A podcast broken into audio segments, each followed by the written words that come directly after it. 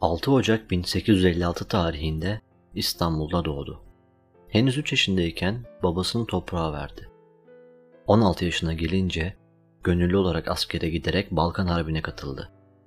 Savaş esnasında uçakları daha yakından inceleyen Vecihi Hürkuş, uçaklara merak salarak pilotluk eğitimi almak istedi ancak yaşının küçük olması nedeniyle bu eğitimi alamadı.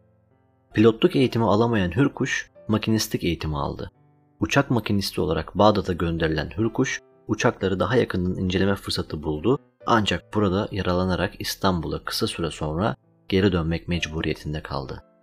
İstanbul'a geri dönen Vecihi, Yeşilköy'de Tayyare Mektebi'ne girdi ve pilot olmaya hak kazanarak hayallerine bir adım daha yaklaştı. Buradan Kafkas cephesine geçen Hürkuş, bir Rus uçağını düşürdü ve düşman uçağını düşüren ilk Türk pilot ünvanına sahip oldu. Kısa süre sonra Ruslar tarafından uçağının kanadı vurularak düşman topraklarına zorunlu iniş yapar ve Ruslara esir düşer. Hürkuş, Nargin adasından da yüzerek Rusların elinden kurtulmayı başarır. Tüm bu yaşadıklarının ardından Kurtuluş Savaşı'na da gönüllü olarak katılmış, bu savaşta birçok Yunan uçağını düşürmüş, bunun sonrasında İzmir Havaalanı'nın işgalden kurtarmıştır. Bu başarıları sonucunda kendisine İstiklal Madalyası ve 3 ayrı tasdikname verilerek başarısı kayıt altına alınmıştır. Vecihi Hürkuş, Vecihi K6 adında bir uçak imal etmiştir.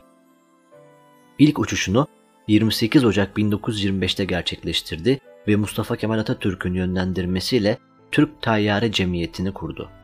21 Nisan 1932'de Sivil Tayyare Mektebi'ni kurmuştur. 1933 yılında Nuri Demirdağ'ın finans desteğiyle Vecihi K-16 isimli uçağı tasarlamıştır.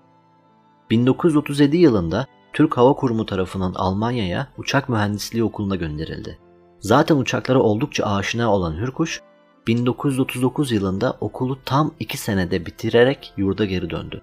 Ancak dönemin yetkilileri 2 senede uçak mühendisi olunamayacağını söyleyerek Hürkuş'a uçak mühendisi ruhsatı vermezler. Türkiye'nin ilk sivil havayolu şirketi olan Hürkuş Hava Yolları'nı 29 Kasım 1954 tarihinde kurmuştur.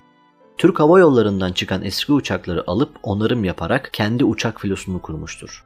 Ancak yaptığı bu girişimciliği o zaman da istemeyenler olacak ki uçaklarına sabotaj düzenlenmiş, zarar verilmiş, sebepsiz yere uçakları iptal edilmiştir. Vecihi Hürkuş'un bir kız da uçuşlarından bir tanesinde paraşütten atlarken paraşütü açılmayarak yere düşmüş ve vefat etmiştir.